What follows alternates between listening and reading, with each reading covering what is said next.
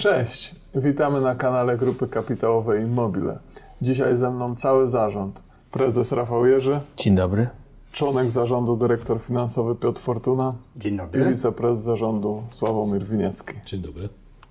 W dzisiejszym podcaście krótko omówimy wyniki i odpowiemy na pytania. Zaczynamy. Piotr, prośba o krótkie omówienie wyników. Spróbuję to zrobić tak bardzo krótko i nie odczytując wszystkich liczb z tabelki, bo zapraszam do czytania pełnego sprawozdania i, i zapoznania się ze wsz- wszystkimi liczbami. E, Co mogę powiedzieć? Rekordowe półrocze, jeśli chodzi o przychody, 448 milionów przychodów i rekordowe, rekordowy drugi kwartał, 276 milionów przychodów. I to, co rzuca się w oczy, to duża dysproporcja przychodów, ale i wyników drugiego y, kwartału tego roku versus pierwszy kwartał i versus pie- y, powiedzmy drugi kwartał, czy półrocze do półrocza ubiegłego roku. I na to, na to bym zwrócił uwagę, że osiągnęliśmy zysk w półroczu, no może nie jakiś tam duży, ale jeżeli spojrzymy na kwartał, to ten kwartał wygląda już bardzo dobrze, ten drugi kwartał. Cały zysk jest osiągnięty w tym kwartale. I y, to, na co zwróciłem uwagę, y, to y, oglądając strukturę naszych przychodów, udział poszczególnych segmentów, to y, zrobiłem taką trochę inną, inną, inne podsumowanie. Y, Dwie spółki, które, y, czy, czy dwa segmenty, które są związane stricte z wykonawstwem budowlanym, czyli Atrem, automatyka i elektroenergetyka i projektem budownictwo, to jest u nas 44,5% przychodów w tym pierwszym półroczu usługi czy sprzedaż produktów, usług dla konsumentów. Mam tutaj na myśli hotele, kiosk i mm, zaliczyłem tutaj też y, y, developing, no bo jednak mieszkania kupują głównie, głównie osoby, konsumenci. To jest 27%. I 28% y, przemysł, czyli mamy mm, dość takie trzy duże, duże grupy, czyli wykonawstwo budowlane, specjalistyczne i ogólne, sprzedaż dla y, osób, y, dla konsumentów 27% i 28% produkcja. Taka refleksja, że, że, że fajnie nam się to grupuje, bo jeżeli spojrzymy na poszczególne segmenty, to udział na przykład yy, sprzedaży odzieży to jest poniżej 10%. Tak samo sprzedaż yy, mieszkań to jest poniżej 10%. Czyli można powiedzieć, że to kolejny raz pokazuje, że nawet w ciężkich czasach ta dywersyfikacja pomaga osiągać dobre wyniki. Pozostaje mieć nadzieję, że cały czas będziemy krajem, w którym warto i z którym spółki maksymalizują e, zyski. Tak Hej. bym chciał. Jeżeli Chyba wszyscy chodzi, byśmy tak chcieli. Ja, y, słuchając Twojego zdania pomyślałem, że y, mam nadzieję, że w tym kraju wciąż ludzie będą kupowali odzież na przykład. Patrząc na to, co jest za oknem na pewno. tak, tak. E, Rozumiem Piotr, że zmierzałeś do tego, że to bardzo bezpieczna jest Dokładnie. struktura, czyli, Tak, tak. czyli pojedyncza branża nie jest w stanie nam e, zrobić mocnej szkody, natomiast e, e, dywersyfikacja jest e, prawdopodobnie e, najlepszym rozwiązaniem w tych ciężkich czasach. Dokładnie. To przejdźmy do pytań. Jak zwykle nie zawiódł e, Remigiusz Iwan, którego pozdrawiamy. Zaczynam e, od, zaczynamy e, jego pytania. Witam, gratuluję świetnych wyników drugiego kwartału i oczywiście mam do nich i do perspektyw kilka pytań. To po pierwsze dziękujemy w imieniu własnym i zespołów, które tworzą grupę kapitałową Immobile za te gratulacje. Postaramy się w kolejnych okresach również nie zawieść osób e, zainteresowanych grupą, a przede wszystkim akcjonariuszy. E, Patrząc historycznie dla segmentu hotele, trzeci kwartał roku był zawsze najlepszy. Czy spodziewacie się utrzymania tej tendencji w bieżącym roku? Innymi słowy, czy wyniki segmentu w Q3 powinny być lepsze niż w Q2? Może, może ja odpowiem y, tak. Tak, spodziewamy się tej, y, utrzymania tej tendencji, tym bardziej, że chociażby hotel w Bydgoszczy przy ulicy Bernardyńskiej był otwarty pod koniec drugiego kwartału, więc y, cały trzeci kwartał będzie, będą te przychody i my oczywiście wiemy, jakie są przychody za, już za trzeci kwartał i też możemy się domyśleć, jaki jest wynik operacyjny, czy, czy, czy wyniki za trzeci kwartał. E, I są one, są one dobre, a proszę o chwilę, o parę dni cierpliwości i tak jak y, po drugim kwartale, y, myślę, że w ciągu tygodnia, może 10 dni pokażemy tą progno- y, może nie prognozę, tą estymację przychodów za trzeci kwartał w podziale na poszczególne segmenty, więc będzie to widoczne już na, na liczbach. Ktoś by chciał coś dodać do tej odpowiedzi? Nie, to przechodzę. To do- może jeszcze jedno zdanie. Że Piotr Muszę- dodać do tej Tak, muszę sam siebie, y, y, znaczy zespół, nie siebie, tylko zespół pochwalić, bo pierwszy raz robiliśmy tą estymację wielkości przychodów. Y, 10 bodajże lipca to publikowaliśmy, no i pomyłka czy błąd versus faktyczne wyniki były no, minimalne, tak, tam poniżej 1%, więc to myślę, że dość dobrze rozpoznajemy to, co się w całej grupie dzieje. Tak, no i zespół, e, zespół e, naszych osób związanych z hotelami te pierwsze, pierwsze kwartały, ale też cały ten rok e, dla hoteli jest, e, jest bardzo dobry.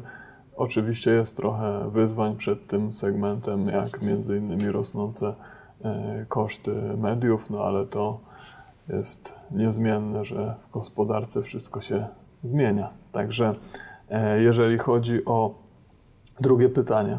Na plus zaskoczył mnie wynik, wysoki wynik i marża w developingu.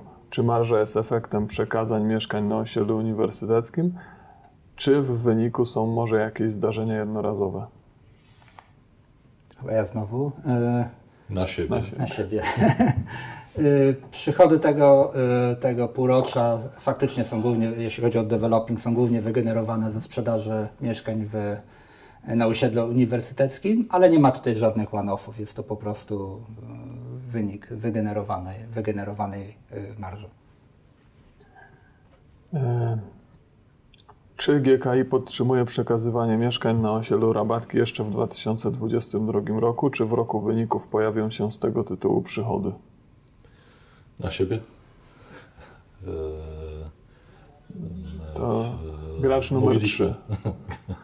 Mówiliśmy o tym, mówiliśmy o tym, że będziemy dostosowywali tempo e, budowy do aktualnej sytuacji rynkowej. Na rynku widzimy e, spadające ceny usług i spadające ceny materiałów, więc e, myślę, że nie będziemy zachęcali uparcie naszych kolegów ze spółki CDI do przekazań jeszcze w tym roku, więc albo to się podzieli, albo przekazania wejdą w wynik e, przyszłego roku. Mamy oczywiście pulę mieszkań, która jest gotowa do sprzedaży. To w sprawozdaniu za półrocze e, widać wyraźnie. E, Więc myślę, że dalej będą kontynuowane rozpoznania z mieszkań istniejących, a mm, osiedle rabatki spodziewałbym się, że większość tej kwoty będzie w przyszłym roku. Kolejne pytanie. W grupie GK jest Atrem specjalizujący się w energetyce, w tym w OZE. Czy posiadając takie kompetencje, a zarazem uwzględniając wysokie ceny energii, grupa czyni lub rozważa inwestycje we własne odnawialne źródła energii, na przykład w zakładzie w Koronowie lub na własnych obiektach hotelowych? O, pytanie też traktuję jako pytanie do mnie. Eee, może dlatego, że wcześniej tak się umówiliśmy przed nagraniem. Eee, oczywiście my od samego początku mówiliśmy, co jest motorem głównym przejęcia spółki Atrem. Eee, Od wielu lat wiemy, że sieci czy, e, czy infrastruktura energetyczna jest e, bardzo słaba i nie jest przygotowana na to, co dziś, e, co dziś wiedzą już wszyscy, czyli e, nie jest przygotowana na wielu producentów e, energii elektrycznej w postaci czy instalacji fotowoltaicznych, czy e, jakichkolwiek innych OZE.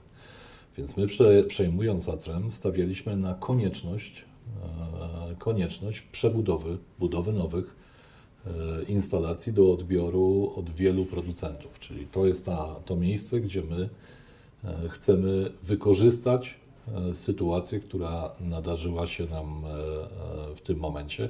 Oczywiście nie wiedzieliśmy o tym, że, e, że sytuacja tak mocno się skomplikuje w, w, po wybuchu wojny i że niezależność energetyczna, chociażby od rosyjskich klasycznych źródeł, będzie miała taką cenę i taką wartość. Więc to jest to podstawowe pole w OZE, które chcemy wykorzystywać, e, czyli przebudowy, e, przebudowy e, Sieci. infrastruktury sieci. E, Otwarty Baltic Pipe to jest część e, pracy e, Atremu. Otwarty, mówię, kilka dni temu przez nasz rząd, który, który to przynajmniej w Odolanowie Atrem miał swój duży, duży udział, łącznie z naszą drugą spółką Plejprzemysł Budownictwo. Jeżeli chodzi o własne, o zostanie e, e, producentem energii, oczywiście prawdopodobnie e, nie będziemy mieli e, e, wyjścia, będziemy płynęli z rynkiem.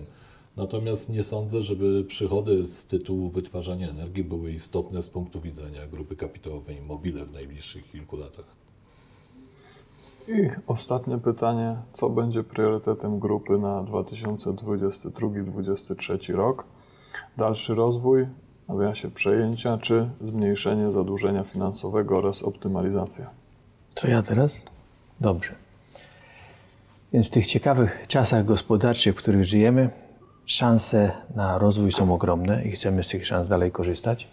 Nigdy nie byliśmy tak dobrze przygotowani w zespołach, firmach, w których funkcjonujemy do kolejnych przejęć, więc decydujemy się na pracę nad przejęciami. To już wyczerpaliśmy, wyczerpaliśmy e, paletę e, pytań e, od Remigiusza, za które za wszystkie dziękujemy. Zapraszamy ewentualnie po lekturze sprawozdania do zadawania jeszcze pytań w komentarzach. Zapraszamy do śledzenia naszych poczynań na wszystkich kanałach e, i mediach społecznościowych, gdzie jesteśmy. Pozdrawiamy akcjonariuszy, współpracowników, kontrahentów i też konkurentów, bo mobilizują nas i nasze zespoły do jeszcze, jeszcze wydajniejszej pracy. Także bardzo dziękujemy za przesłuchanie dzisiejszego materiału i do usłyszenia. Do zobaczenia. Dziękujemy.